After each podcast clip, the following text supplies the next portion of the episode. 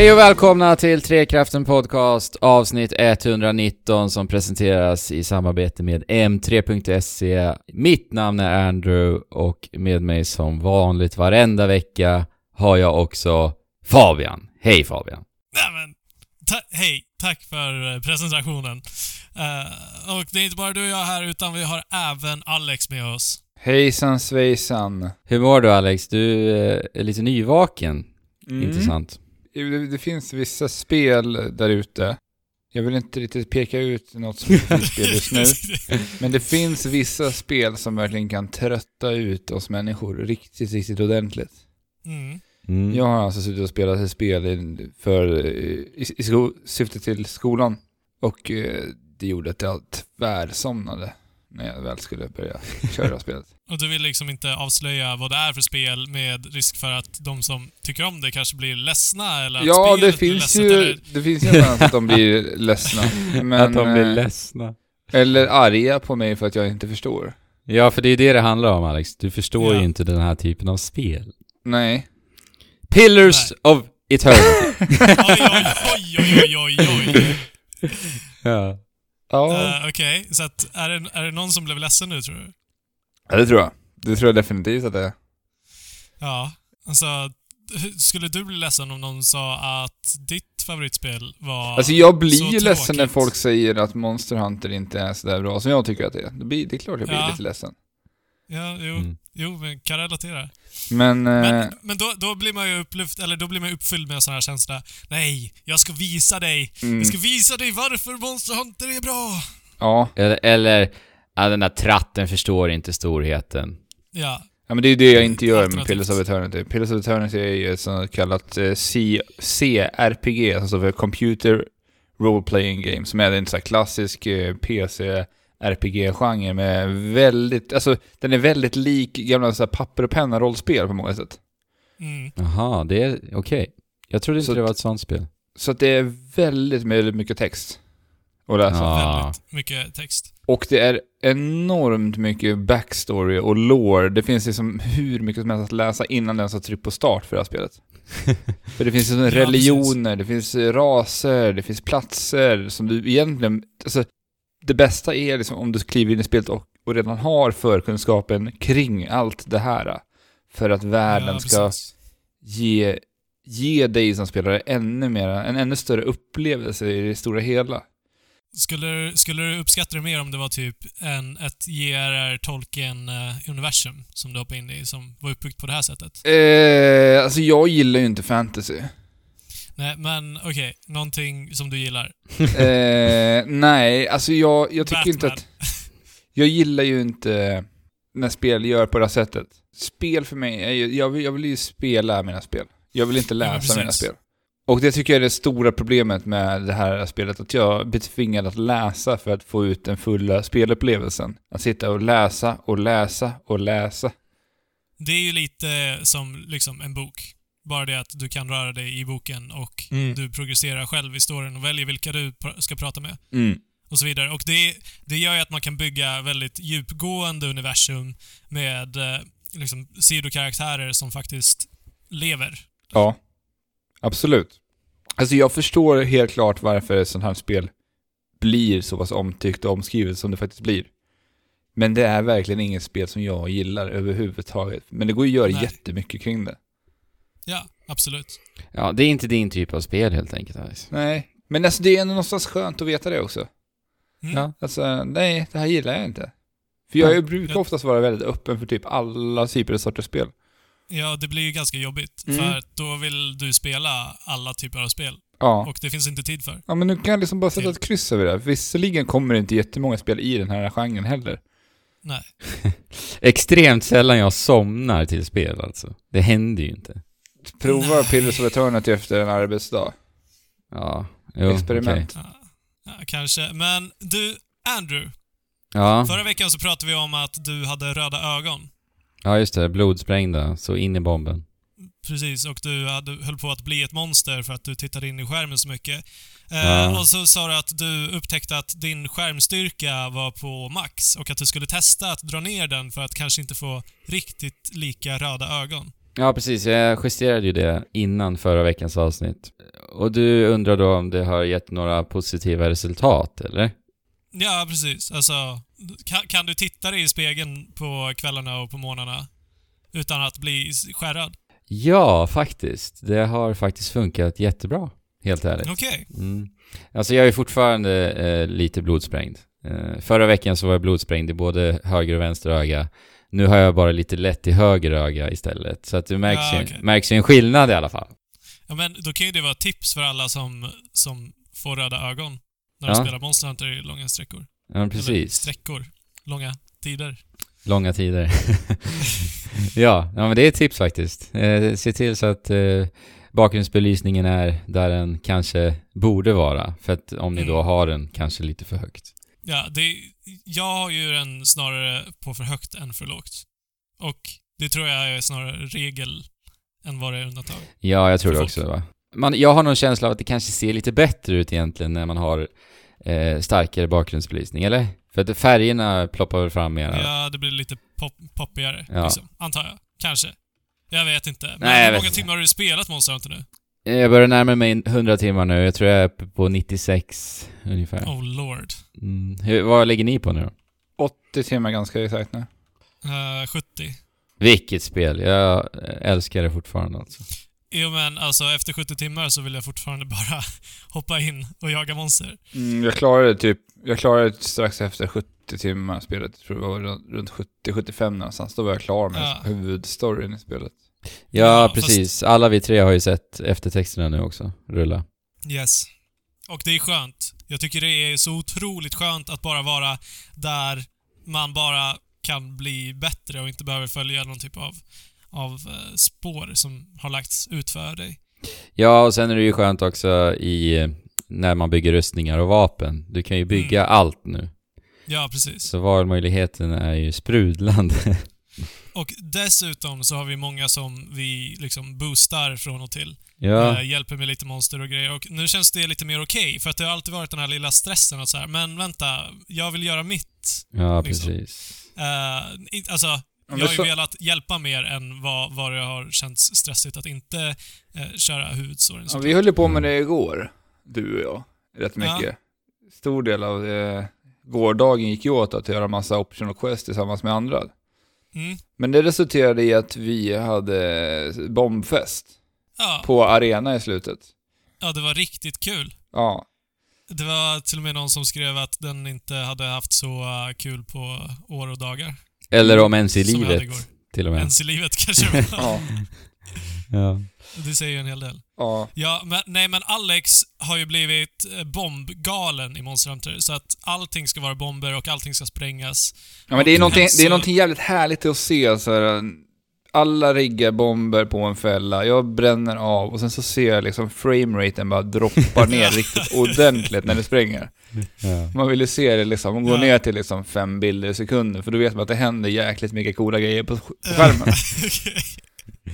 Så att du vill se den där droppen, det är det som är grejen. Att Ja, här, nu, då- nu händer det någonting riktigt fett och det ser jag genom att... Ja, spelet vill inte vi ska göra så här egentligen. Nej. Ja men det är ju så härligt nu också när vi har spelat klart eh, huvudspelet och sen så hjälper vi de som inte har kommit riktigt lika långt. Då är det, det är ju så jäkla bra tillfälle att prova på nya vapen. Jag vet inte om Mm, vi har sagt verkligen. det tidigare. För jag har ju spelat hammare för det mesta, men jag har ju precis byggt klart mitt eh, pilbågeset nu. Så att nu ska jag gå in för att bemästra pilbågen och det känns skitroligt. Så nu kommer jag ju med, med glädje hjälpa vem som helst med vad som helst. Bara för att ha, ha kul med pilbågen nu. Mm. Jag slumpade ju fram min nästa vapen när jag spelade då med Fabian det. igår. Ja, just Men, det. men eh, det första typ timman som vi gjorde det här gick vi ju på äggquest, jag och Fabian. Ja, just det. Så att jag använde inte min nya vapen, lansen överhuvudtaget. Använder du någonting överhuvudtaget? Ja, det var inte mycket. Ja, vi tog en boss senare, som tog riktigt lång Ja. tid. Men Ja. eh, sen så bytte jag tillbaka, för det var för svårt helt enkelt. Mm. Ja, ja, men man behöver ju lite invärjningsperiod. Mm. Det var ju mest många gånger som du bara stod och pokade mig när monstret var Ja. helt åt andra hållet. Ja. allting blev bara helt kaos. Ja, nej, men vi hade Men- väldigt roligt med Monster Hunter igår vill jag säga.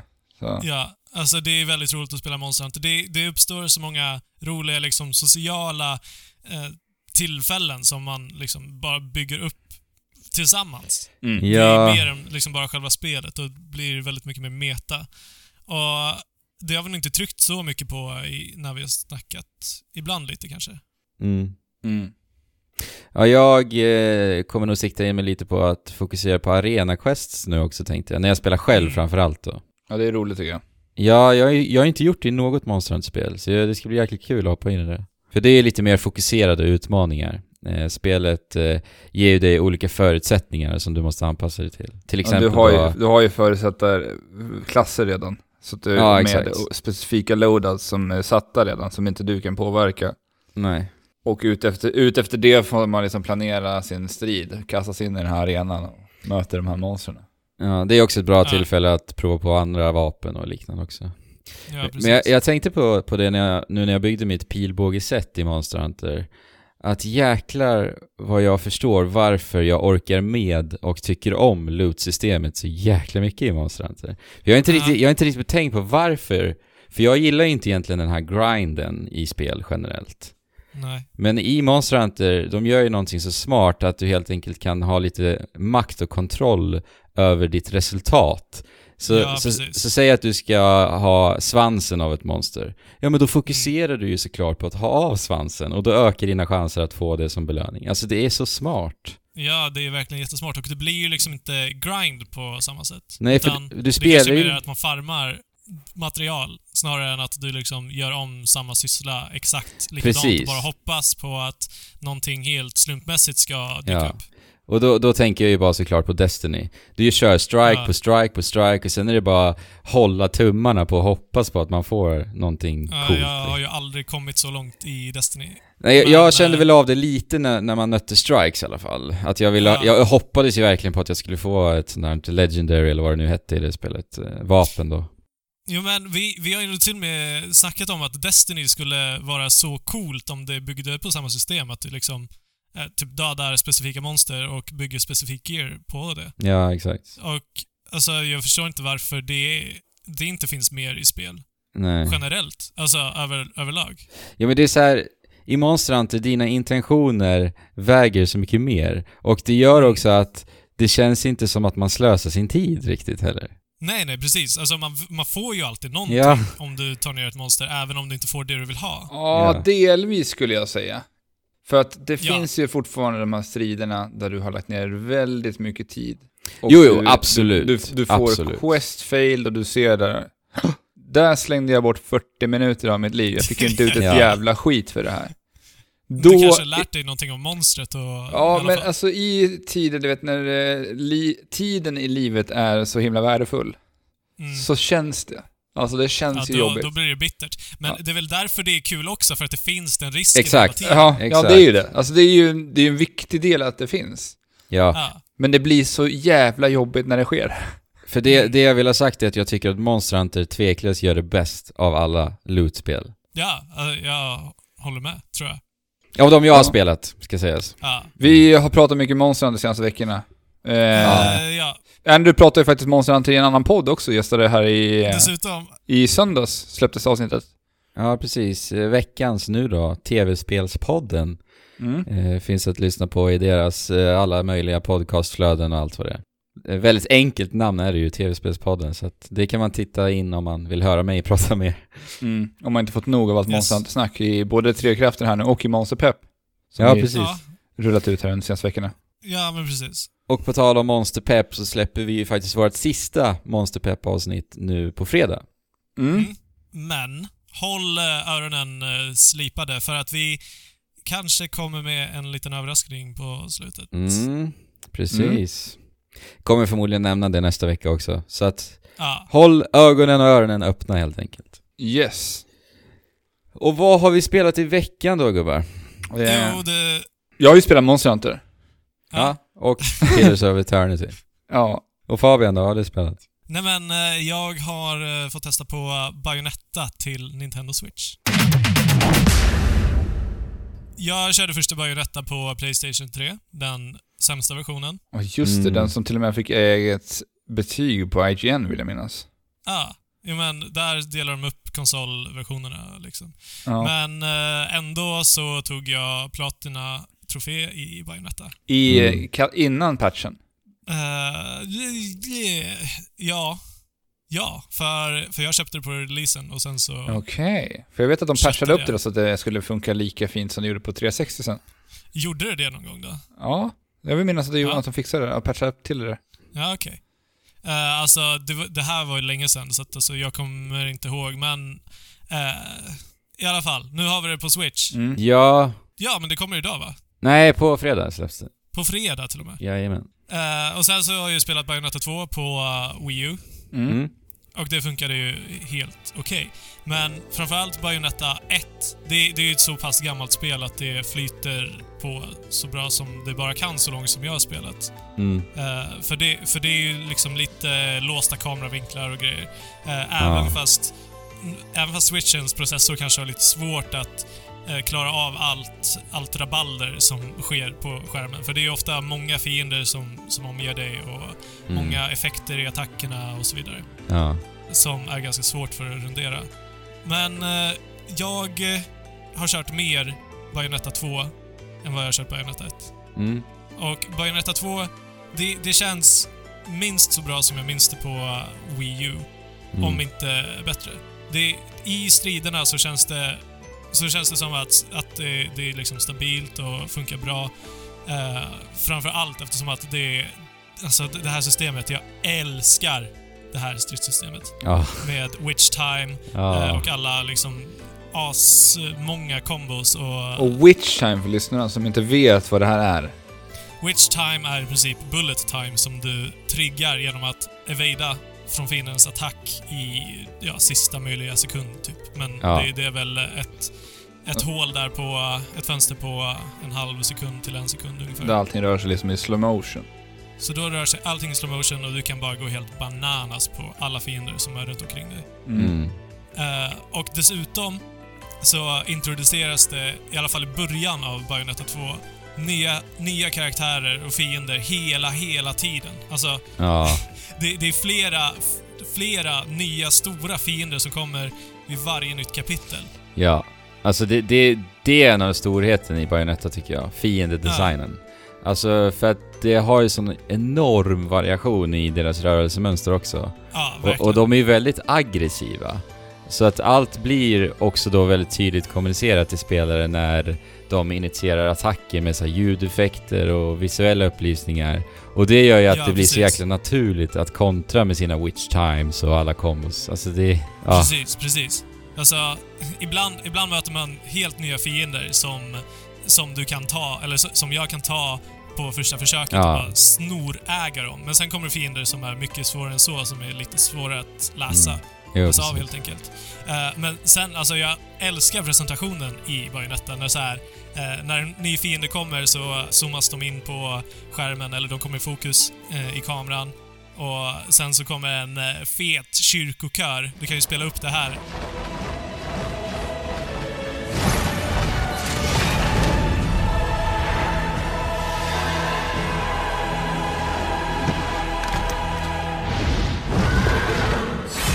Eh, och sen kommer namnet och sen så slås den ihop i en bok typ. Som, eh, det, det är bara skitsnygg effekt och skit, skitsnygg presentation. Och jag, jag har varit ganska... Jag, jag har inte tyckt att liksom presentationen överlag i Bayonetta har varit helt klock, klockren tidigare. Men Nej. jag tycker banne mig det nu. Ja, det är så? Och jag vet inte varför. Alltså, de, de är ju over the top hela tiden. Alltså det, det är en riktig, riktig actionrökare. Jag menar, Bayonetta eh, står på ett eh, flygande jetflygplan medan, medan hennes demonkompis eh, som heter Rodan, Ja, just det. han går iklädd en eh, eh, tomtedräkt Ja, och just har det. Bayonettas, Bayonettas vapen i säcken som man kastar upp när det här jetplanet som, som flyger upp och ner, men Bayonetta står upp och ner på planet och kastar upp det och så säger han någon, något jäkligt cheeky, eh, någon cheeky action line liksom. Ja. Och alltså jag...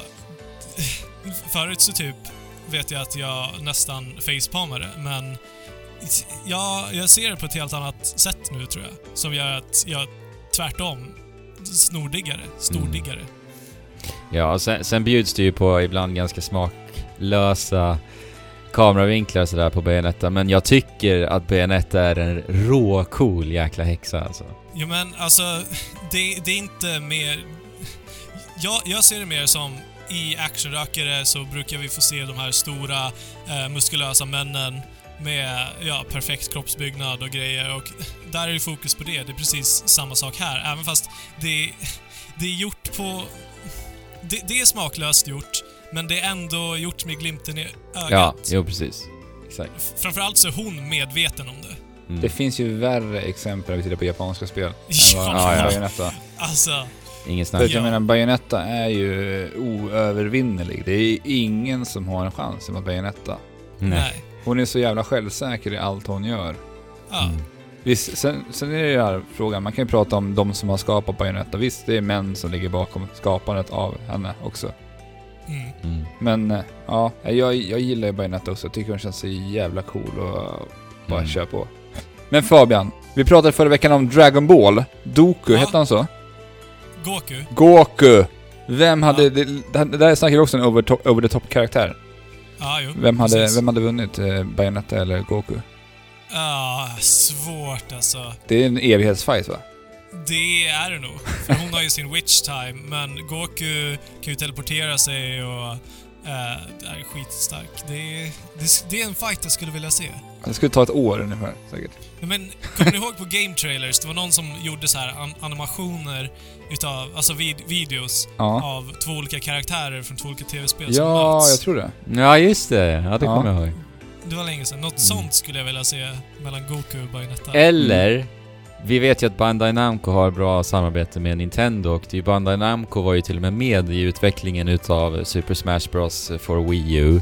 Så kanske får vi se eh, Goku i Smash till Switch och då kommer ju de då kunna möta varandra. Bayonetta och Goku. Alltså, det hade varit så fett.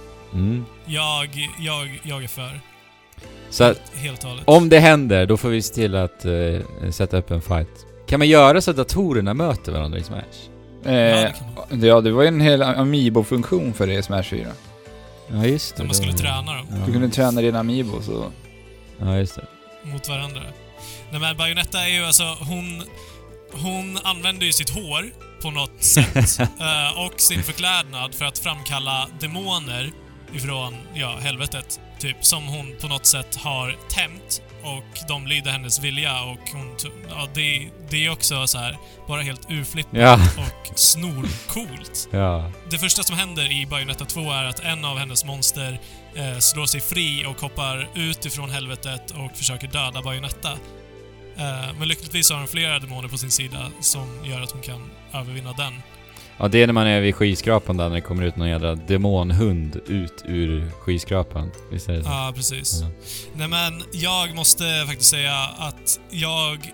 Jag, jag tänkte bara typ känna på det här, men eh, när jag spelar det så sitter jag fast för att det är, det är så otroligt kul, det är utmanande och det är svårt, men det är så snortajt kontroll och det är tillfredsställande som bara den. Mm. Så att om det är någon där ute som gillar det- den här typen av arkad-action, så eh, det, det är ett måste. Så jag ska... Ja. Jag, när jag spelade det här, jag köpte ju den här Special Edition för när Bayonetta Mm. 2 kom till Wii U. Och jag har ju aldrig varit ett fan utav den här spelgenren. Alltså såhär, Nej. Nej. snabba japanska actionspel. Jag, jag har ju försökt gång på gång att introducera dig Alex, men du har aldrig Mm. fastnat riktigt. Nej, alltså det är, för du har ju alltid gillat all, alla de här spelen med Devil May Cry och allt, allt. Det började verkligen med Onimusha Ja, precis. Och sen efter det så fortsatte det bara och vart Mm. eh, snabbare och snabbare. Ja. Men eh, det här spelet eh, fick mig verkligen att eh, älska det här. Mm. Ja. För att det gör allting. Det, det har liksom tittat på alla den här typen av spelen och tagit det bästa ur den genren. På något Ja, sätt. och det, det märks ju så tydligt att det verkligen är rediga veteraner som sitter bakom det också. Ja, ja. Det är, det är ju tveklöst. Ja. Platinum Games är ju gammalt Capcom-folk som sitter, som har även jobbat på liksom Devil May Cry, alla de här gamla Ja. Precis. Ja. Och det finns ingen som kan mäta sig. I och för sig så har jag inte spelat några moderna sådana actionspel. Finns det några sådana? Vadå, du tänkte... Inte i... Alltså typ Devil May Cry. Devil May Cry har jag inte spelat, alltså DMC-remaken. Nej, det är ju... Nej. Det är, DMC var ju, var ju västerländskt gjort, så att det är länge sedan det kom något sånt ifrån Japan nu. Ja, det är få sådana spel numera faktiskt. Ja, men så att eh, om du är som Alex så kanske du kan uppskatta det här också. Men om du inte vet, men du vet att du gillar eh, att vara aktiv i ditt spelande och du gillar asfeta actionscener så kör det här. Mm. Ja, nej men alltså... Jag, jag Ja. tycker att det är ett av tidernas bästa actionspel. Ja, jag, klart. tyck, jag tycker det också. Alltså när Bayonetta är som bäst, då känns det som att allting är som en dans på ett sätt. Ja, jo men precis. När, när du hittar liksom ett momentum, momentum i hur du länkar alla dina kombos kombinerat med den här härliga mobiliteten som vi sitter på. Alltså det är verkligen som du säger Fabian, genuin jädra tillfredsställelse. Ja. Jo men man kommer ju i ett flow också som, ja, som, gör, som liksom håller dig superfokuserad varje sekund. ja. Och, och spelet gör ju ett så jäkla bra jobb med att få en att uppnå det. Just för att det har den här tajta spelkontrollen och mekaniken som är så jäkla intressant. Och sen är det ju... Hur är bilduppdateringen? Alltså är det, känns det lent nu också fortfarande? Alltså, det, det är inte 100% 60 bilder i sekunden. Nej, jag tror Men inte två... när- jag Tvåan var Nej, jag nog tror inte... inte det heller. det. eller? Eller Nej. Men, men det är fortfarande så här, det, det förstör inte spelupplevelsen på något sätt för att när det droppar så droppar det typ så pass lent på något sätt. Ja, och lite kanske i, fall- stunden i alla- liksom. Ja. Ja. Och sen som Alex sa med Monster Hunter, när saker exploderar, då gör det kanske inte så mycket att bildrutorna droppar, för då känns det lite extra coolt. Men eh, man kan ju spela det här eh, bärbart också. Ja, just det. Precis. Med Det switchen. är, ja. det är ju första gången vi kan eh, spela. Eller i och för sig, vi kunde det typ på Wii U, men Ja. eh, Ja, i hemmet. switchen i hemmet. Eh, men ett sånt här typ av actionspel, det funkar att spela. Men, men jag njuter mycket mer av det när jag sitter framför TVn Mm. eh, med handkontrollen. Faktiskt. Men rullar det lika bra handhållet, upplever du? Eh, nej, alltså det kanske droppar lite mer i liksom stora scener och stora... Ja. Jag tror att det bara rullar i 720 oavsett om du kör på TVn eller... Ja, det stämmer faktiskt. Det stämmer. Ja. Så att det ser ju typ bättre ut på, på den lilla eh, switch-skärmen. Ja, just det. Men- Precis. Men som sagt, alltså det är så pass tight och kul att the visuals spelar inte jättestor roll. Nej. Det som finns där, det är mer än tillräckligt. Det här spelet går ju att spela online också. Nu kommer vi ju dessvärre inte kunna prova på det. För vi har ju, det är bara du som äger spelet, Fabian. Undrar hur det funkar alltså? Det, det måste ju någonstans vara rätt kul, eller? Tillsammans Men- med det här, bara ösa ner dessa fiender. Frågan är hur de löser det med Witch Time. Ja, jag, Ja. ja. just det. Det har jag inte tänkt på. Alla kanske kommer i Witch Time eller något. Ja, just det. God of War provade ju någonting liknande med Ascension. God of War det- Ascension. Jaha. kunde man ju spela online. Det så här Men det var väl- kompetitivt på något Det sätt. kändes som att det var, det var ganska högt fokus på just multiplayer-spelande till det. Ja, alltså Så jag så. provade aldrig det. Synd alltså. Det eh, hade jag velat prova. Bara se vad, hur det var utformat ändå. Alltså jag tror inte att det skiner Nej. som starkast Nej, nej, där och då. Men det kan vara en kul grej. Men någonting som jag tänker på, någonting som slog mig nu när jag spelat det här är att eh, det, det är jättekonstigt system. För att när du, när du spelar bra så får du mer belöningar. Och när du spelar dåligt så får du mindre belöningar. alltså, du, du, du tjänar typ pengar, halos, eh, vad det nu heter. S- som du kan köpa nya vapen för, du kan köpa healing items och, och så vidare. Men om du är helt värdelös på spelet, då kommer du inte kunna köpa några helande items eller nya moves eller, eller nya vapen. Det är Git Good som gäller. Ja, det, det är verkligen get good. Ja.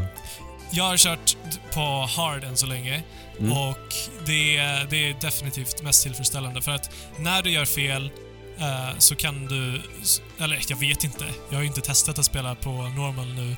Men, men det, det känns som att det är lite mer liksom åt Dark Souls-hållet. Att du blir eh, mer bestraffad för dina misstag. Och Ja. framför allt att det känns som att det är ditt misstag varje gång du, du är liksom en, en bråkdel sekund för sen på dodge-knappen. Mm. så vet du det. Alltså, du känner att nej, jag borde inte fått den, eh, den witch timen. Så att jag får ta det där slaget i ansiktet istället. Ja, men precis. Det är Men, rättvist, liksom. så att peppa in för Bayonetta 3 nu allihopa med, Ja! med Bayonetta 1 och 2 här. Ja. Säljs de här två paketerade i en bundle nu eller? ja Ja, precis. Fysiskt gör de det. Digitalt Ja. så är de uppdelade. I två. eh, och om du köper fysiskt så tror jag att du bara får eh, Bayonetta 2 på kassett, men en nedladdningskod för Bayonetta 1. Ja, precis. Det stämmer nog. Mm. Jag körde de här spelarna back-to-back när jag skaffade det här bundle-paketet till, Mhm. till just eh, det. Wii U. Just det. Men eh, alltså, och det var ju ganska kul för det var ju första gången jag spelade Bayonetta. Men ändå så lyckades jag tvåan göra tillräckligt mycket nytt för att få mig att fortfarande vara intresserad och hoppa på tvåan direkt efter, efter texten har rullat i ettan. Ja, Och det, Alltså- det är ganska imponerande för att det är ändå så här, så här gameplaymässigt så är de, står de med varandra väldigt lika, väldigt nära. Ja. Och du håller väl till och med tvåan som det bästa dessutom, Alex? Ja, tvåan är, ty, håller jag absolut med bättre spel. Ja, det är, bara det är också imponerande då, med tanke på att du spelar dem direkt efter varandra också.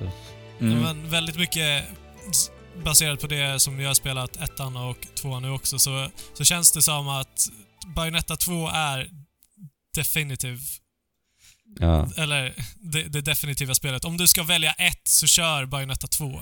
Alltså ni anar inte, jag blir så peppad på trean nu när vi pratar om det. Ja, alltså det, det kommer bli fröjd. Ja. Oh god.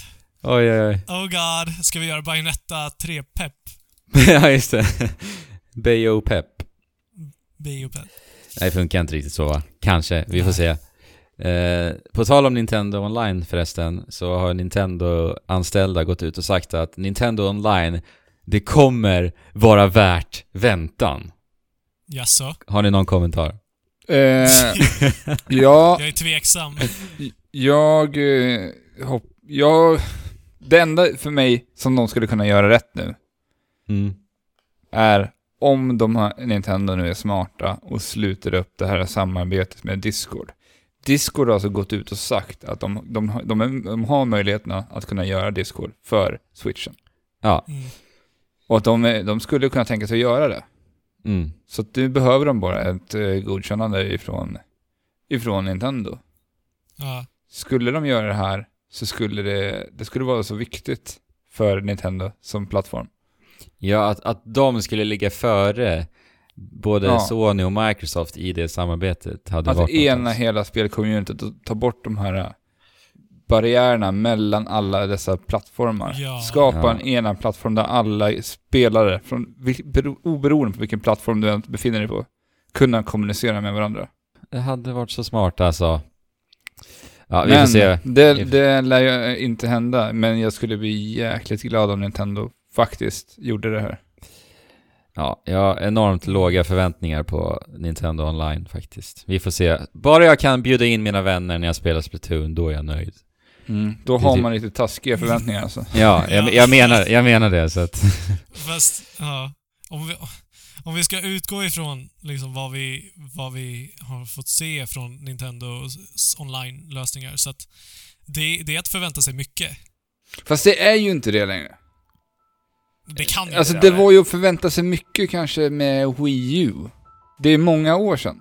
Ja men det är ju så sjukt att på Wii U kunde vi skicka meddelanden till våra vänner. Vi kan inte Ja. göra det på Switch. Men skitsamma, det här har vi redan pratat om. Vi får se vad det blir av Nintendo Online. Ja. Eh, vi går vidare.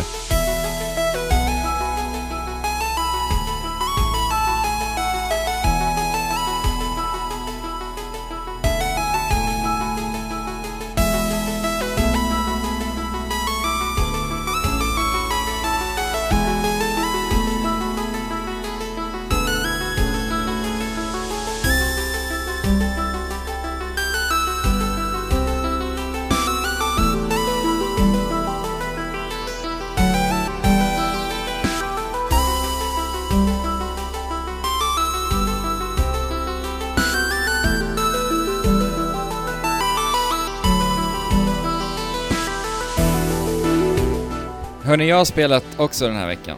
Inte bara Monster Ja. Hunter. Nej, men vad trevligt. Ja, jag vet att du satt och spelade det här igår när vi eh, laddade arena-strider, Monster Hunter.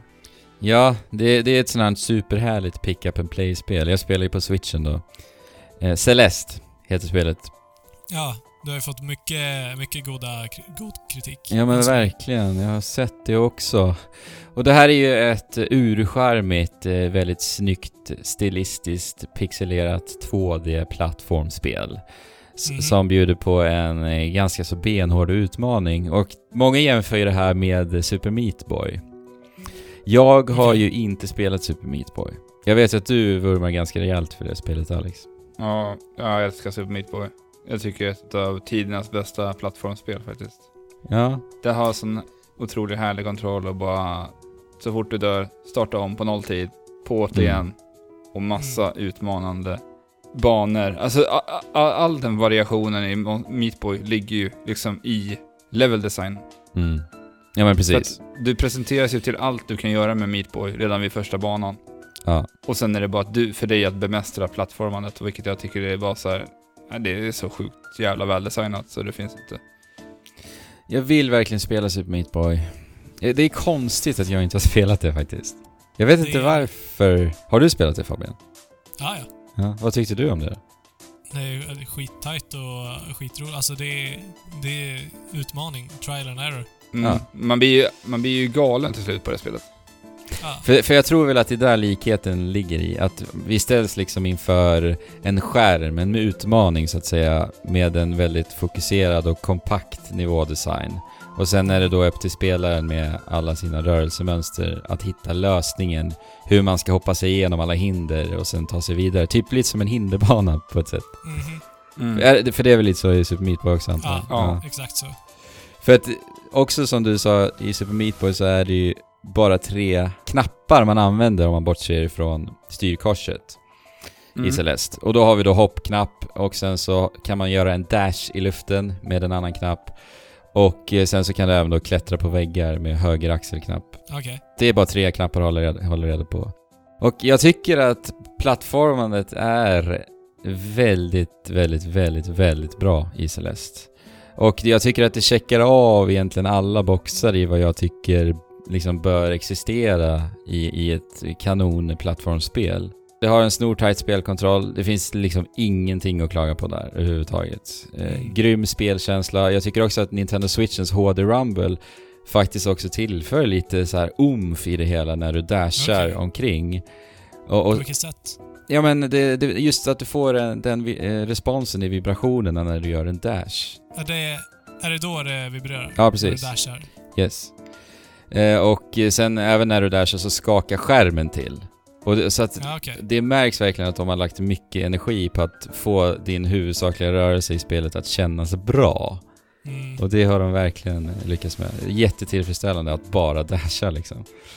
Eh, och sen så innehar ju spelet mängder av variation. Det, det är olika nya mekaniker och gimmicks som introduceras till varje ny värld. Och sen så är det ju väldigt så här Nintendo-eskt speldesign. Att man masserar in spelaren till alla nya mekaniker och sen så eskalerar utmaningen. Och sen ännu längre in så blandas alltihop till en jädra cocktail av benhårt plattformande. Eh, och det är ju då spelet är bäst, när, när alla mekaniker kombineras. Då blir det nästan plattformsmagi. Det är super, superbra.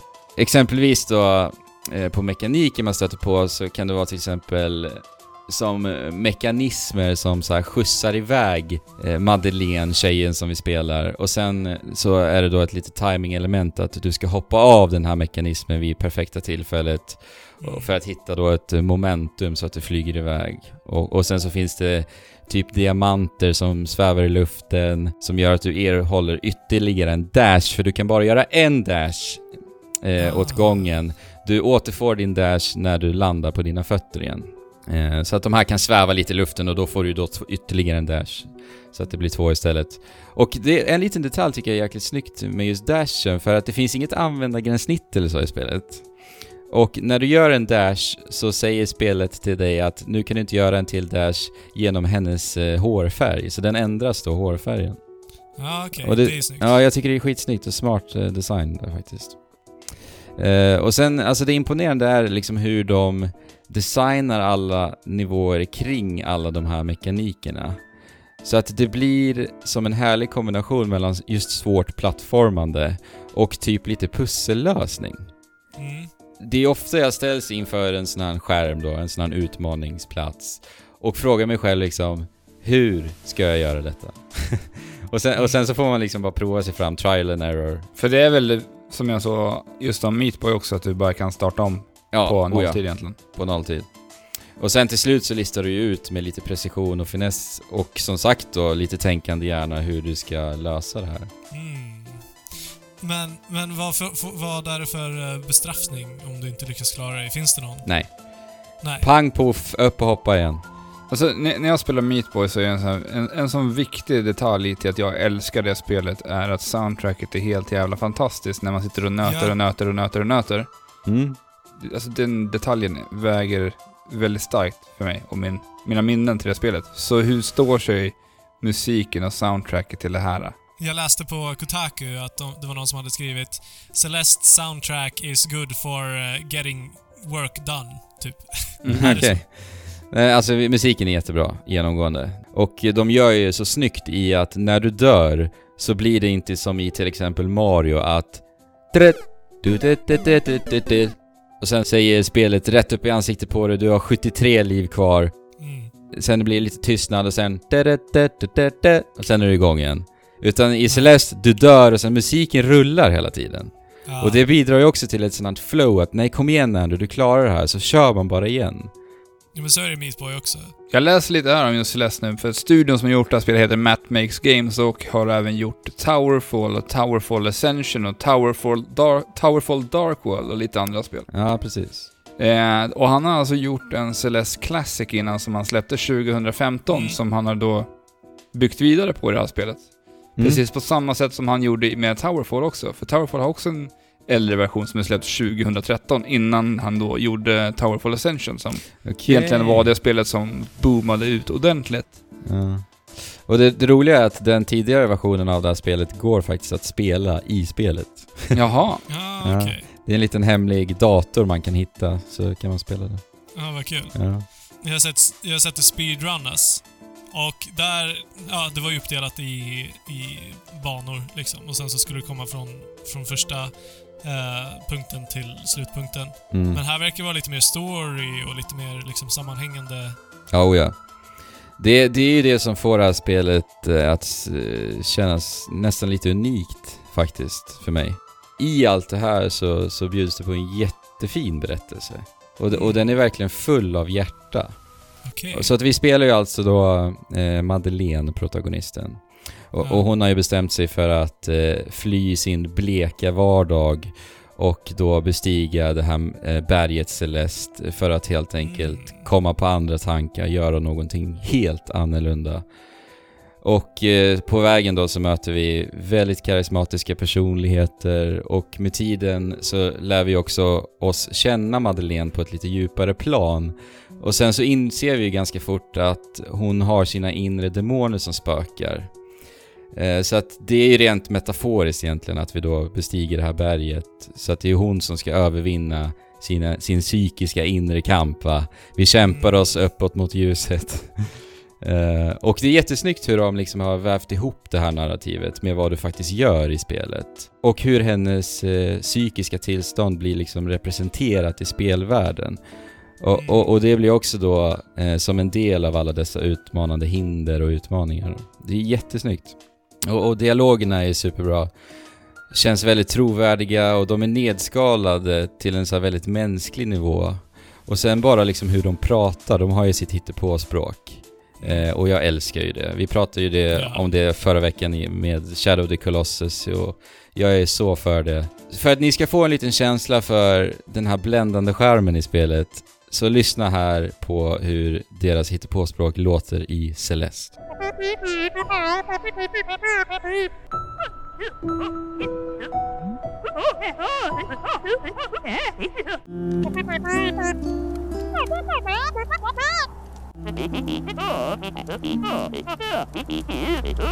Så himla gulligt. Nu har inte ni hört det ni två, Alex och Fabian. Nej. Men, men jag råder er. jag, jag, kan ju, jag kan ju tänka mig hur det låter. Det är bara supersött, rakt igenom. Ja. Och det, det ger ju de här karaktärerna så himla mycket personlighet. Och sen så här, i historien så hejar ju jag och peppar på, på Madeleine att hon verkligen ska kämpa vidare och komma över sina hinder precis lika mycket som spelet peppar mig. Mm, snyggt. Som ett exempel så, så kommer det upp en laddningsskärm eh, ganska tidigt i spelet där det står så här typ i stil, någonting i stil med Be proud of your death count. Dying is learning. Keep on going, typ. Oh, wow. Och det, det är ju så jäkla härligt Wow. att bara få det rakt upp i ansiktet. Ja, alltså lär dig av dina misstag helt enkelt. Och det är helt okej att misslyckas. Ja. Så länge du lär dig någonting. Så att precis som Madeleine så ger ju inte jag upp. Madeleine är en, är, en sån person, hon ger aldrig upp. Hon kämpar in i det sista. Och det blir som att jag får en känsla av, av att Kom igen Madeleine, vi klarar det här tillsammans. Men Madeleine kan ju inte dö heller, eftersom att hon kommer tillbaka. Nej, nej, till- men det, finns, det är ju fortfarande en utmaning för, för mig Ja, som alltså- spelare.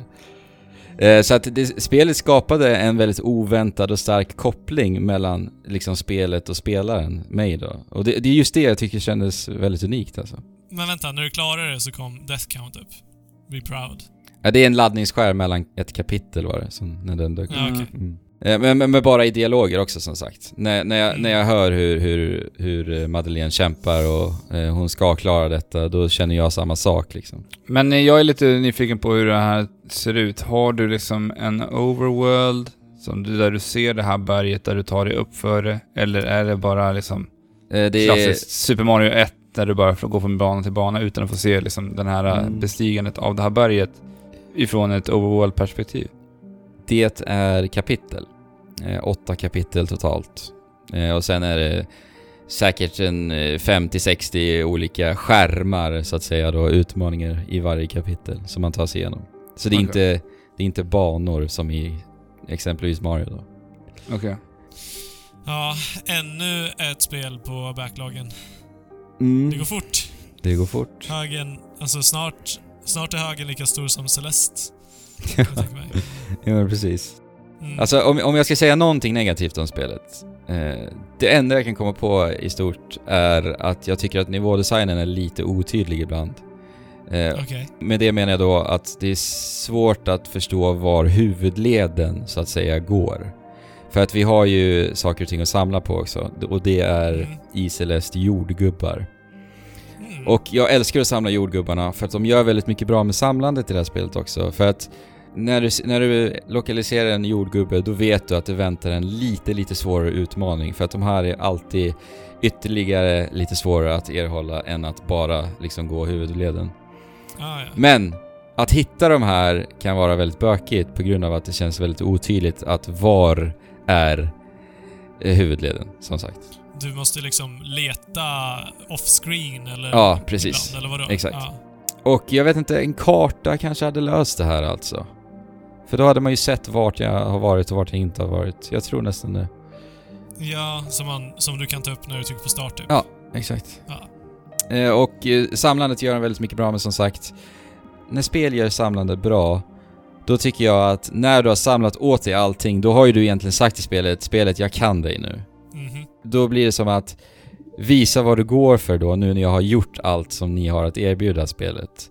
Och det, Mm. det gör Celeste, för att när du har samlat allt, då väntar en ytterligare en utmaning. Mm, okej. Och det tycker jag är skitbra.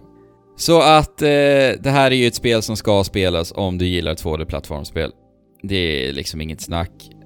Är det lite för utmanande för dig så har spelet också ett assist mode där man kan manipulera spelet väldigt, väldigt detaljerat vad jag har förstått som. Jag har ju själv inte tittat in det här. Men man kan helt enkelt göra det väldigt mycket mer lättillgängligt. Exempelvis vet jag att man kan sakta ner farten som eh, hur länge du kan befinna dig i luften, som Madeleine då. Mhm. Vilka plattformar har släppts eh, Celeste på?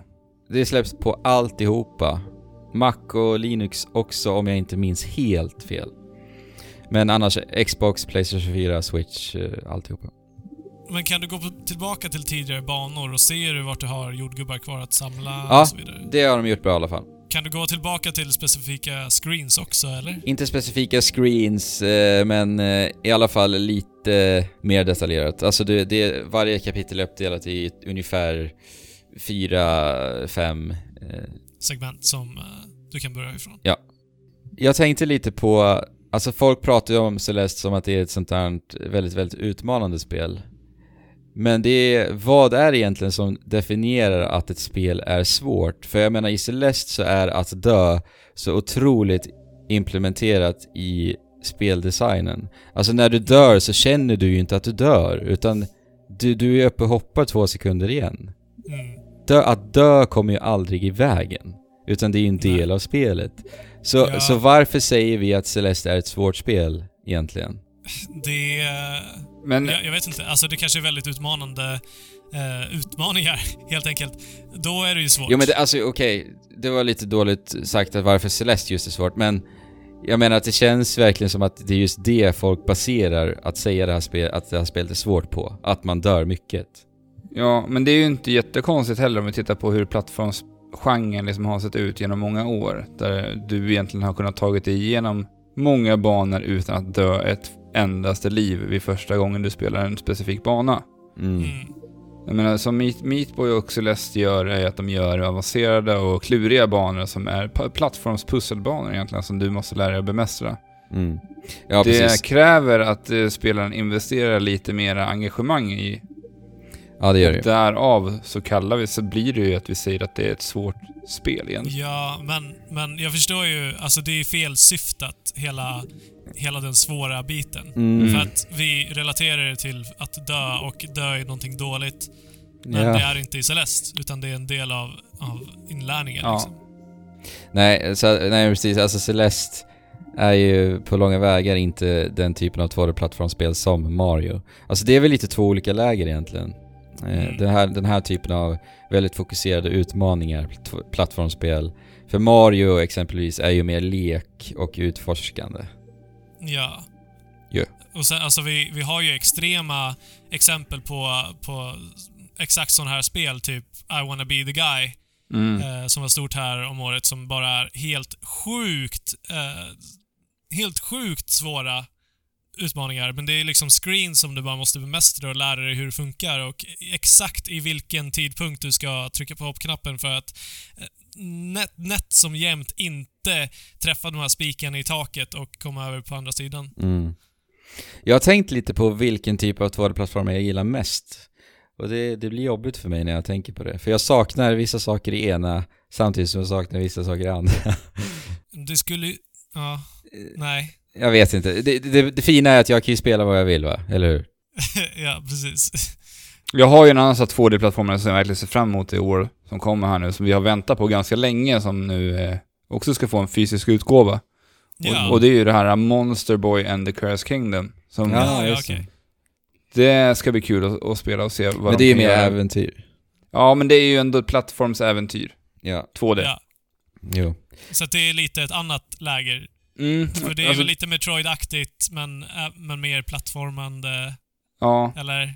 ja, alltså det är ju mer, mer plattform. Jag spelade ju här Wonderboy förra året, som då var en, en remake på det sista Wonderboy. Och Mon- Ah. Monster Boy är den spirituella uppföljaren på Wonderboy som kom förra året, som då var en remake på det gamla. Och vilken är det som kommer nu? Eh, det är Monster Boy.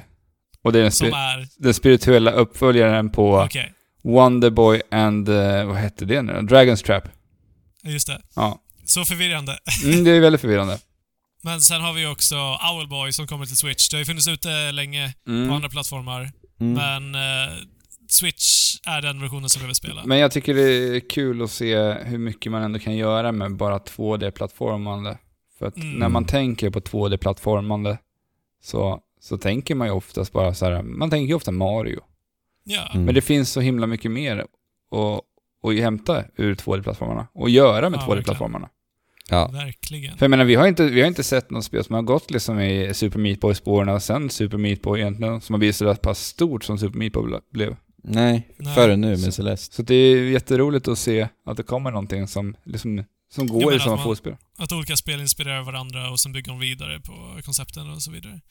Men på tal om Super Meat Boy. Eh, det kommer ju typ Super Meat Boy Forever. Infinite, eller Forever heter det. Mm. Yes. Vad är det för typ av spel? Det är en uppföljare. Det är, en, upp- är, det, är det Super Meat Boy? För att någonstans har jag fått för mig att det är typ en Endless Runner-typ av spel. Eller är det liksom Eh, ja, ett Super Meat Boy? Nej, jag tror att det är ett Super Meat Boy, fast lite mer avskalat på något sätt. Typ att, fast jag vet, jag har inte spelat Super Meat Boy, men var det bara hoppa och sen är det klart eller? Nej, alltså du styr ju karaktären. Men jag har fått för mig att man inte styr karaktären i Jag har för här, att du har lite att- mera movement i Super Meat Boy Forever. Att du kan göra lite fler saker. För man kan, Ja, okej. man kan göra någon glidattack typ. Ja, visst är det så? Ja, i, Ja, för i det kunde du Forever. inte göra i eh, Super Meat Boy. Nej. Nej. Så jag det- tror att det är en uppföljare som ska göra lite mera. Ja, just det. Du kan, Okej. sl- du kan till och med slå i spelet också. Ja, Så, jag, jag fick för mig att det skulle göra mindre, men eh, kul om det ska försöka göra mer. mm. Men vad, vad ska vi kalla den här typen av 2D-plattformar? Vi borde komma på något namn för det. Trial and error-plattformare. Ja. The End is Nigh är ju en av dem också ju. Mm, det är det. Ja. Eh, har det kommit till Switchen nu? Jajamän. Jag har det. Okej. Är Det... du sugen på att ta dig an det? Eh, ja, jag är ju sugen. Jag, jag, jag älskar ju Edmund Macmillan och hans spel han Ja. gör. Jag, jag vet inte, han, eh, han har ju skapat eh, Binding of Isaac som eh, jag håller som, håller väldigt nära hjärtat. Mm. Mm. Mycket sådana spel jag droppar idag som är så här mina favoriter. ja. Du börjar tänka på det när du drömde om det efter att ha somnat när du spelade Pillars of Eternity. Mm. Alla bra spel. Ja, för att jag var så avskräckt. Ja. Det är vad vi har spelat denna vecka. Eh, Får se vad det blir till Yes. nästa. Jag funderar på att eh, skaffa mig Owlboy faktiskt. Eh, någon gång så kommer jag göra det. Ja, Men FEA släpps ju också, så vi får se. just det. Något Mm. av dem blir det nog, för min del i alla fall. Ska vi gå vidare till lite nyheter? Ja. Churches har släppt en ny singel. Ja, Som, som heter vad då Alex? den heter Get Out. Yes. Mm. Hur många gånger har du lyssnat på den här? Typ eh, hundra gånger kanske. Ja. Ja men det är typ samma här. Mm. Är, du, är du peppad på nya albumet eller? Ja, jag är fruktansvärt peppad på nya albumet. Är du glad att vi tar upp det här i podden? Ja, eh, Trekraften Podcast är alltså en spelpodcast där vi pratar om spel och allt vad det berör. ja. Men Trekraften är ju även jag. Men Chur- Churches kan vi ju koppla till spel också, för de gjorde ju ledmotivet till eh, den eh, sämre uppföljaren utav eh, Mirror's Edge. Ja, ah, Mirror's Edge Catalyst. Mm. precis. Ah. Fantastiskt. Sen har de även spelat på The Game Awards. Ja, det har de gjort också. Ja, just det, det minns jag faktiskt. Ja. Och ni tar ju upp det här idag för att ni håller ju Churches som ett av världens bästa band. Båda Ja. ni. Jag skulle gråta om jag fick se dem. Ja.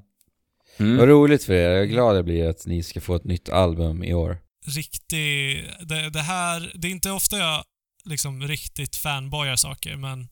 Ja, men det här... Jag, det, jag det, Churches det här var så himla roligt. Jag måste ju berätta en hela grej, för vi, vi har ju vår Ja. Discord-kanal. Discord är ju en eh, toppentjänst som uppdaterar och gör nya funktioner hela tiden. Dagarna innan den här låten släpps så introducerar de en ny funktion på Discord. Just det. Att, att man kan synka upp till sitt Spotify-konto. Och med det här så kan du lyssna på musik tillsammans med dina vänner på Discord. Så du kan bara trycka på någon som på Spotify och välja att hoppa in i låten på samma ställe som den personen är i låten. Ja. Ja, precis. För att på ditt porträtt när du spelar Churches över Spotify så ser jag det. Mm. Och då kan jag trycka på ditt porträtt och dra igång låten på min Spotify. Exakt.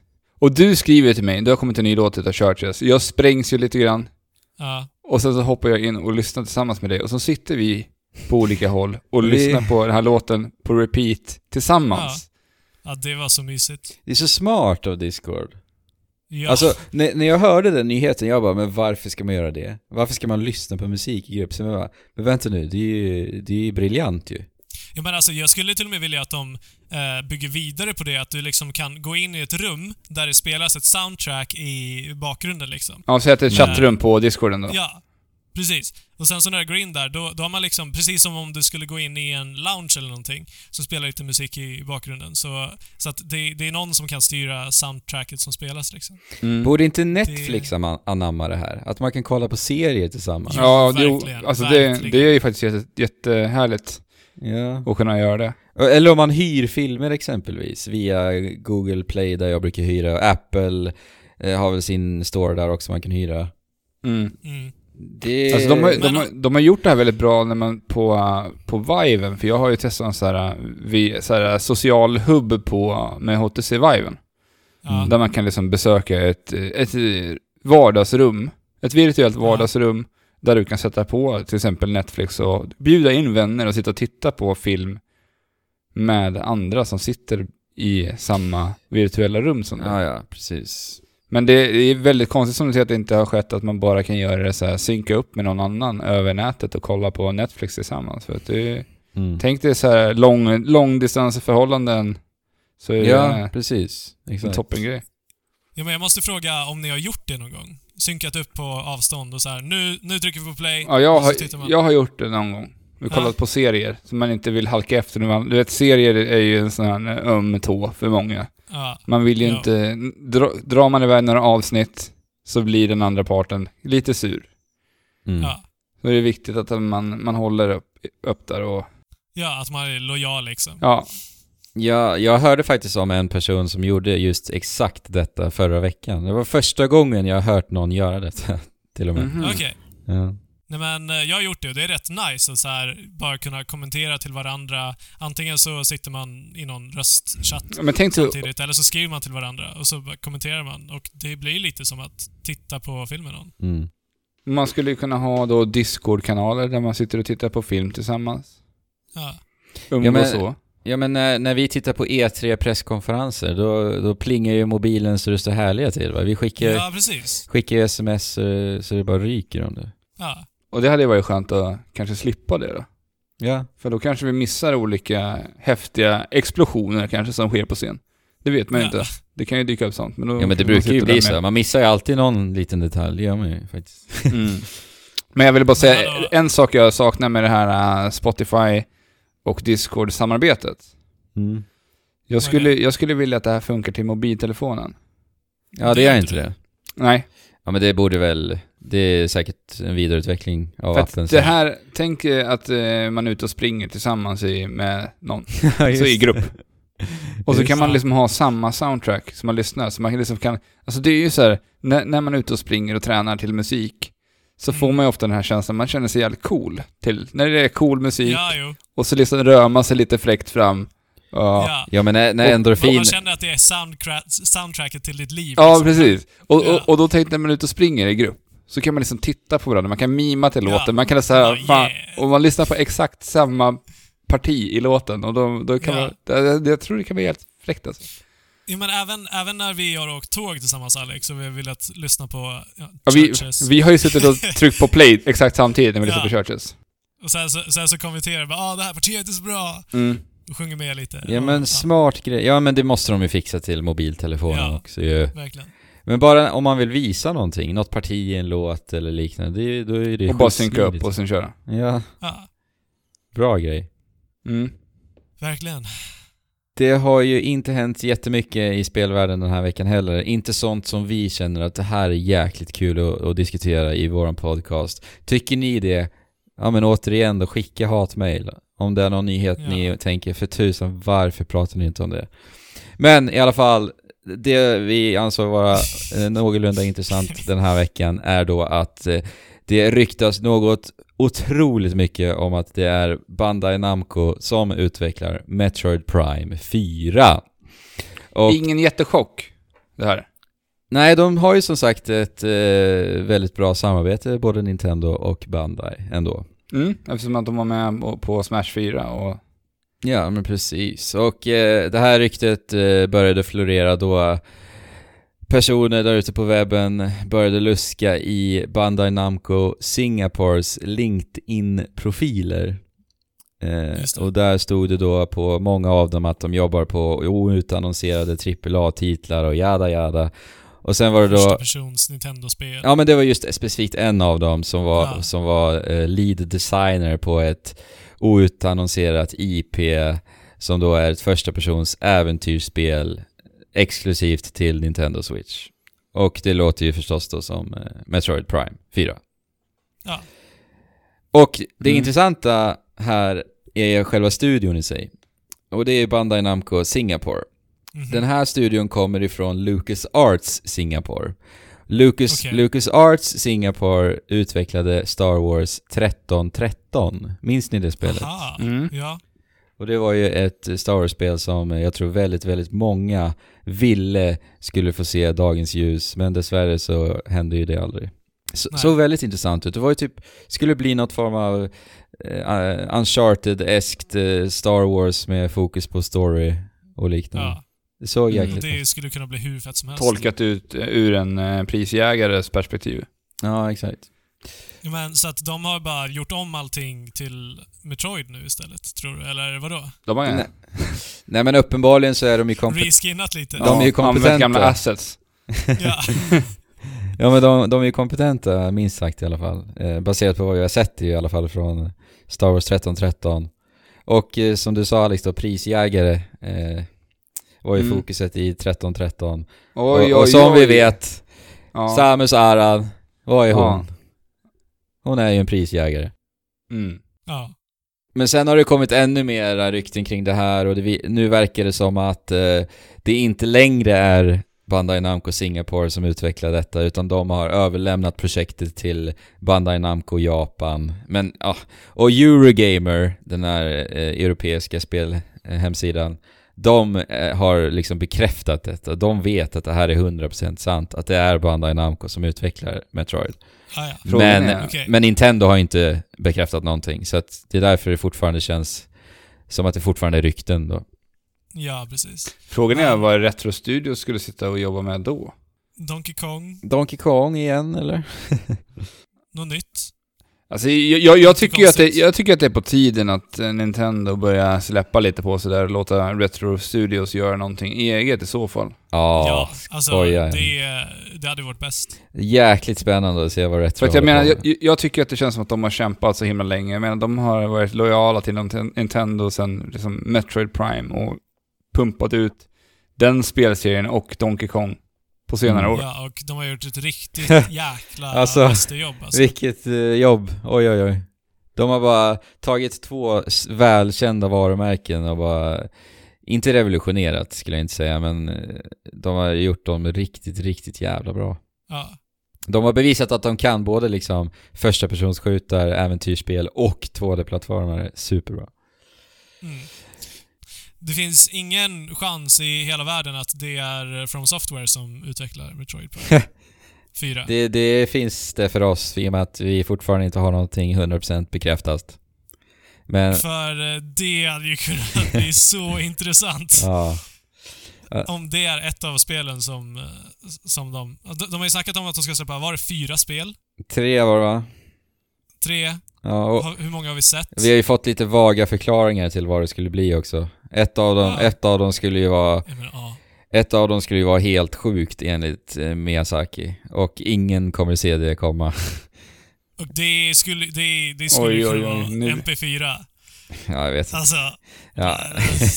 Jag tror inte hype. det. Nu bygger du hype, hör du det hur är det kokar? mina- Det är mina våta drömmar bara. Jag, jag har faktiskt förberett lite frågor inför idag, Ja, gällande det här. ja roligt. Eh, det är ju så här att, alltså det, det är lite kul att se Nintendo, om det nu skulle släppa det till Bandai Namco. Det, man blir ju lite, man blir lite fundersam att de, att de gör det här. Men det är ju Mm. samtidigt Ja. lite spännande också. Se Ja, vad verkligen. Bandai Namco kan göra med eh, Metroid Prime nu, om det är de som gör det. Mm. Så jag tänker lite så här, om vi tittar på Nintendo spelse- spelserier, vilken annan spelserie som inte är Nintendo skulle kunna hantera den spelserien bra? Så då kan vi börja med Kirby. Den här Oj. lilla rosa blobben. Ingen utav oss har en jättestörre rela- större relation till den här lilla figuren, men Nej. har ni någon idé på någon spelstudio som skulle kunna göra Kirby-spel intressant? Oj. Oj. Kirby är ju ganska... Alltså ett Kirby-spel är ju ett Kirby-spel. Mm. Och det är gjort på ett väldigt specifikt sätt. Ah. Nej men alltså, när jag har spelat Kirby-spel, det jag har saknat är lite liv i karaktärer. Det finns liksom ingen riktig Mm. identitet i karaktärerna riktigt. Eh, och då Nej. tänker jag ju på, eh, vad heter han nu? Oj oj oj. Rayman Legends, Rayman-skaparen, Mm. vad Ja, heter han? ja. ja. Mi- Michel Ancel. Michel Ancel, tack. Mm. Att, eh, Ja. att Ja. knasa till Kirby Som, Ja. vi, som, så, som vi ser Rayman. Alltså han, ja alltså Kirby skulle ju funka jättebra på det sättet. ja, Sätta Ja, lite jo, liv och verkligen. lite ident- identitet i Kirby. Ja, ja. men eller hur? För att det är mycket kring, runt omkring i Kirby som bara känns ditplacerat och livlöst. Ja, ä- ja, ja. Själlöst, Även designmässigt också faktiskt. Ja. Men det behövs inte göra jättemycket med Kirby rent, alltså designmässigt. Det är bara lite små förändringar så händer det rätt mycket med den karaktären ändå. Ja, ja men exempelvis eh, Kirbys primära eh, rörelse är ju då att vi kan suga in eh, fiender och eh, typ kontrollera, eller inte kontrollera, vi tar ju deras, snor ju deras förmågor. Mm. Ja. Och bara just den animationen skulle ju kunna vara så jäkla mycket mer intressant Ja. än vad vi ser Mm. i ett Ja, Kirby-spel. Och Absolut. tänk er då med Rayman-estetik och man kan göra helt galna grimaser på Kirby när det händer och liknande. det är det jag Ja, får det skulle nog-. Det skulle nog vara jäkligt intressant faktiskt. Ja. Vi går till nästa. Pikmin. Okej. Pikmin. Oj! du, du tar så oväntat. Ja. Men jag sparar, de här, jag sparar dem lite mer självklara till sist. Så ska, Ja, ja, ja. Jag tänkte säga, det är ju bara Nintendo som kan göra Pikmin. Eh, Fast det är ju det som är frågan. ja. Oj. Alltså, uh, vänta. Vänta. Någonting kanske... Paradox. Paradox. ett seriöst Pikmin. Elaborera. Nej men, de gör ju... Jag tänkte strategi, Pikmin är så här, strategi. Så de kan göra ett skitdjupt Pikmin. Ja, Eller det, eventuellt de som eh, gjorde XCOM, ja Firaxis. Firaxis. Firaxis. Ja, ett lite mer seriösare tagning på Pikmin. Ja. Fast de kan ju naturligtvis ha kvar estetiken. Mm. Eh, men bara utveckla det och göra det svårt. Så att det, det kommer vara permadeath, så att när Pikmins dör blir det än mer hjärtskärande. Alltså vi, vi vet ju hur hemskt det är när Pikmins dör i Pikmin. ja. Nej men det var, det var inte jättebra. Har du något Ja men alltså Firaxis är ju ganska, alltså köra XCOM-stilen på, eh, på Pikmin är ju ganska kul. Alltså så fort du får upp en ny Pikmin så ska du liksom namnge den här Pikminen, du ska skapa en koppling till den här lilla blomman. Åh jäklar ja. För att det, det, det är ju någonting vi saknar i Pikmin, vi får inte någon relation till alla de här blommorna direkt. Utan man, Kan- man drar ju upp Nej. dem bara och kastar dem bakom sig. Fast någon relation får man ju för att de är ju väldigt, väldigt charmiga. Ja. Så att du vill ju inte att de dör liksom. Det är ju inte på samma sätt som i XCOM där det verkligen Nej. känns ah jävlar, där dog morsan. Så skulle man, så, så skulle man kunna eh, skrädda, skräddarsy sitt utseende också på blommorna bland annat då. Ja. Mm. Mm. Har du några mer frågor eller ska vi... Ja, men Donkey Kong. Donkey Kong, och nu har ju Retro Studios redan gjort det. Eh, Jag skulle ju dock vilja se Retro Studios göra ett 3D Donkey Kong, men... Mm, Ja, Alltså jag, jag vill ju ha ett Donkey Kong i eh, tredje persons perspektiv igen. Ja. Det skulle jag jättegärna vilja se. mm. Så någon studio som har jobbat mycket med... Alltså, jag skulle kunna sätta Insomniac på ganska många utav Nintendos Ja. spel egentligen. Jo. Men eh, Insomniac göra ett Donkey Kong. Eller Naughty Dog. Om de går tillbaka. ja, om de går tillbaka ja. till, till den tidens spel de gjorde då. Mm, Jack and Daxter. Ja. ja. Jo, jo. Där. Det, det håller jag med om. Mm. Naughty Dog. Eller... Eventuellt Sucker Punch skulle funka. Alla de här, så här Sony-studiosen skulle Ja. kunna hantera det här bra. Jag tänker framförallt eh, med Sucker Punch när de gjorde eh, in, Infamous Mm. och eh, rörligheten som det spelet erbjuder. För det är någonting man vill ha i Donkey Kong-spel. Du vill ju att kunna Ja, svinga dig runt och kunna ta dig runt snabbt i världen. Ja, alltså Du är ju trots allt en apa liksom. Ja, kan göra mycket med just rörelser i 3D med apan Donkey Kong. Mm. Ja. Och sen vill jag ju fortfarande ha, som vi hade i Super Mario 64, att vi hade de här olika aporna med olika förmågor. Så Nej, du menar lite- Donkey Kong 64? Ja, Donkey Kong Ja. 64. eh, att vi skulle kunna använda de här olika aporna för att lösa olika pussel. Det hade varit Mm. kul att se det igen. Ja, ja, verkligen. verkligen. Hade du någon mer fråga Alex? Eh, ja, alltså vi kan väl röra oss mot de här lite större namnen då, utan Nintendo. Vi kan då, vi kan säga Zelda här då. From Software. Ja, det är ingen snack. Det ja. är in, ingen snack. From Software. Har du någon mer fråga? eh, Okej. Ja, ni har inte spelat det där, så det är ingen idé att ta den. Vilken då? Animal Crossing, det har ju inte, ni, ni har inte så mycket erfarenhet av spelserien, tänker jag. Nej. Nej. Men då tar vi Super Mario som sista då. Vem skulle kunna hantera Super Mario bra? Jag säger inte bättre än Nintendo, men vem skulle kunna göra det bra? Alltså jag har ju en liten indie-studio från förra året som jag tyckte, tror kan göra, Gears Det här for bra. breakfast. ja. Jo, visst. Men eh, lite mer resurser kanske då. Ja, alltså det, det ska de ju få såklart då, Mm. om de tar över det här. Och ett kompetent eh, eh, lag. Designteam, Ja. Men vad var det Gears for Breakfast gjorde? de gjorde Hat in Time. Just det, just det. Mm. Men, men ni vet, eh, vad heter ihopslagningen utav uh, Soink och Thun- Thunder. Thunderful. Thunderful Games ja. Mm. De tycker jag skulle få testa. Okej. Men de hade kunnat gjort Pikmin, tänker jag också. Ja, det hade de nog kanske Mm. kunnat Ja. göra bättre. Ja. Ja, Ja. vad, det var trevligt vad det blev av nyhetssegmentet. ja, oväntat. Kul att du kommer med överraskningar Alex. ja, ibland så måste man ju överraska lite grann. Ja, Men hörni, för att återgå lite till, till eh, Metroid Prime en snabbis. Vad kommer hända med det spelet? Vad tror ni? Vad, vad är det för typ av spel det kommer bli? För jag menar, tittar man på Metroid Prime, det är ju alltså en första persons skjutare. Eller, inte skjutare, äventyrs, eh, första persons Ja. äventyr. Men idag är ju spelklimatet som det är. Vi har sett eh, militärskjutare släppas det står härliga till. Vi ser Titanfall och många spel eh, som går i just första persons vyn, där man pangar med sina vapen. Tror ni att Nintendo på något sätt kommer liksom snegla åt detta och göra någonting mer åt det hållet? Kommer det vara mer actionbaserat? Större fokus på action? ja. Jag tänker till exempel, alltså hur styrde vi Samus på GameCube? Jo, det var att du kunde inte sikta upp och ner, du kunde bara sikta horisontellt och sen, sen tryckte du framåt på spaken för att röra dig framåt. Enda sättet att sikta fritt var att trycka in höger axelknapp och sen kunde du sikta fritt. Mm. Så att förmodligen bara där kommer det ju bli lite mer action. Ja, precis. Men jag tror fortfarande att vi kommer... Alltså, jag har svårt att se att det kommer bli liksom en actionrökare på det sättet. Utan det kommer nog vara mer fokus på äventyret och pussel Ja. och samla föremål och saker. Utforskande. Likt så som... Ja, utforskande. Så att det kommer nog finnas en lock-on-funktion precis som det har funnits. Ja, det, det är liksom. egentligen det jag frågar egentligen tror jag. Ja. Tror du att det kommer vara kvar? ja, men det tror jag. Nintendo är ju duktiga att hålla kvar essensen av vad deras spelserie en gång har varit, någonstans också. Så att Men... jag tror att vi, Ja. vi kommer att, vi, när vi väl får Metroid Prime 4 så kommer vi få så jäkla mycket Metroid i det spelet.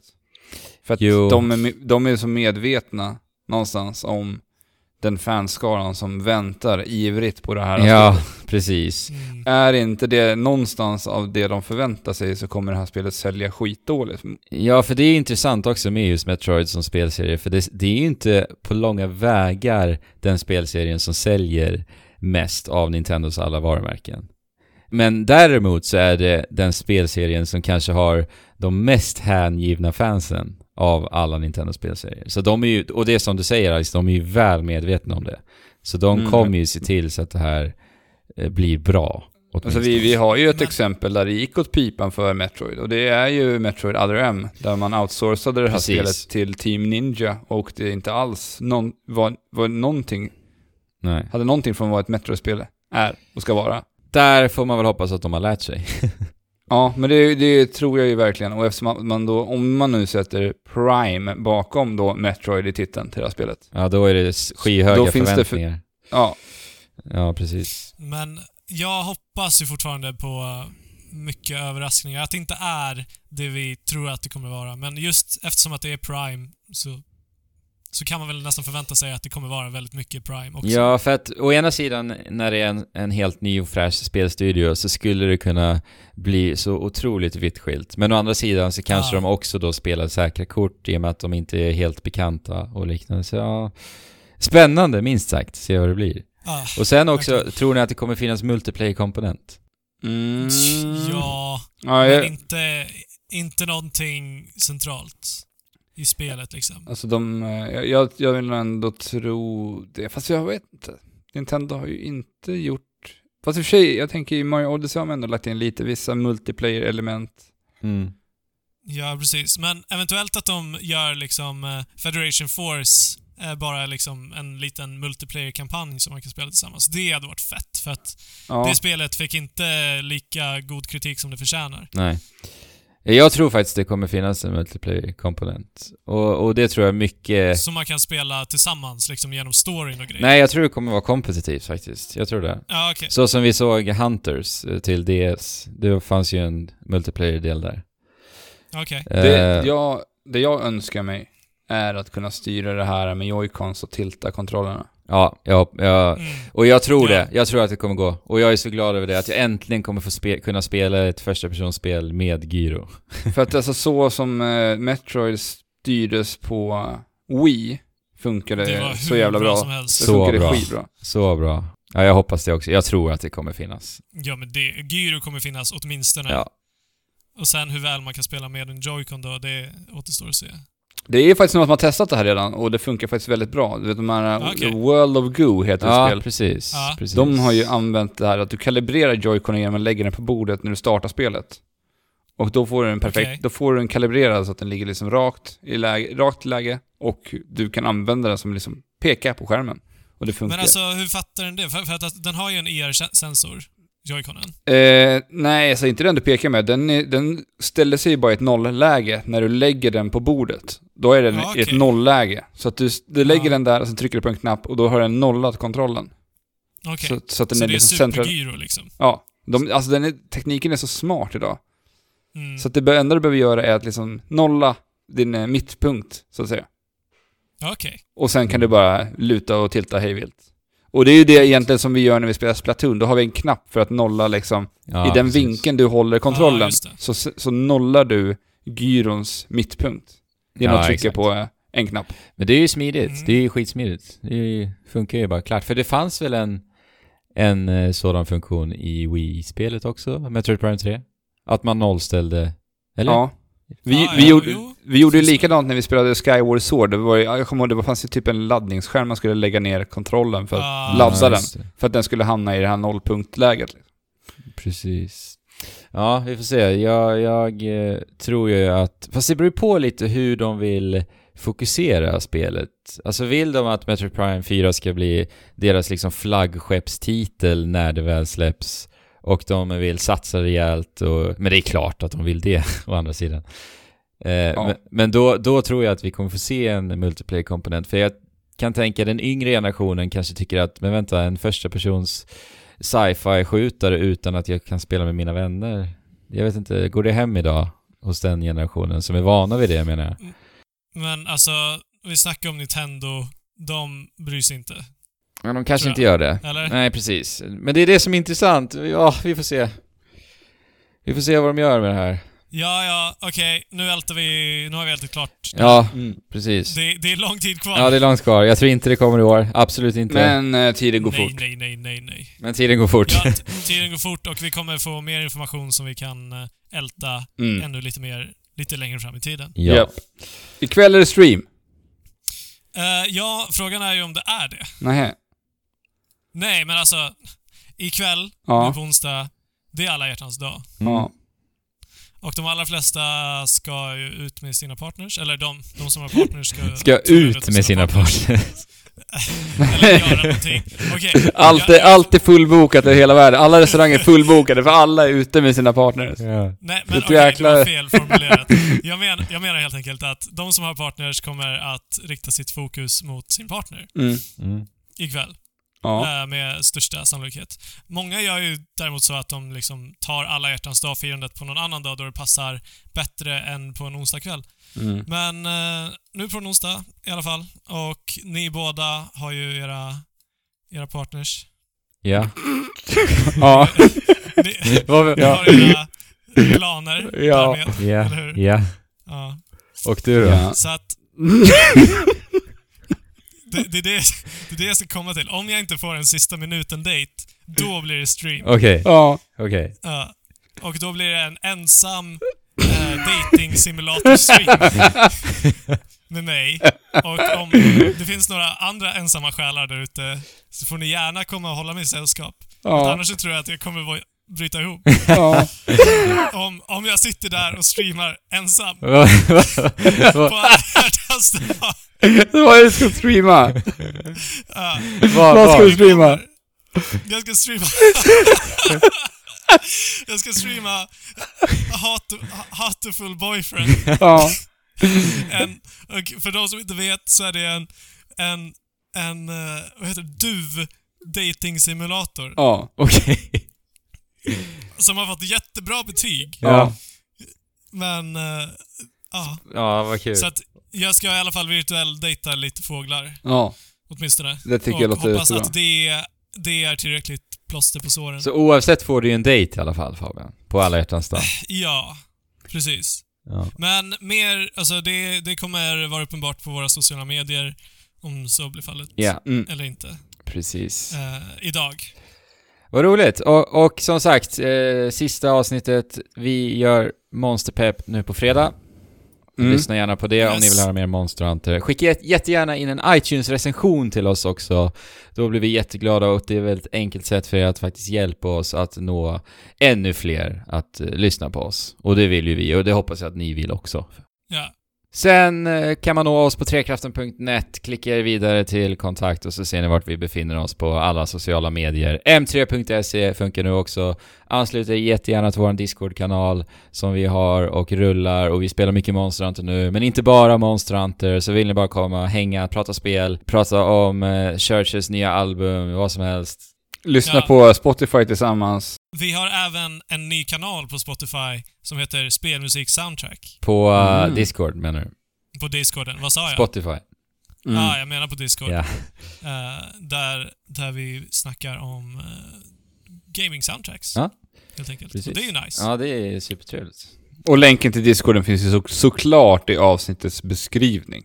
Ja, det, det är Ja. så enkelt nu och jag blir så glad att saker och ting kan vara så enkelt. Ja, vi har ju rasslat in väldigt många nya användare de senaste veckorna här. Ja, Alltså, och vi antar det- väl att det har med det att göra, att eh, vi har den i beskrivningen där. Ja. Med det sagt, allihopa, spela på tills nästa vecka och chip! Shula. Hopp.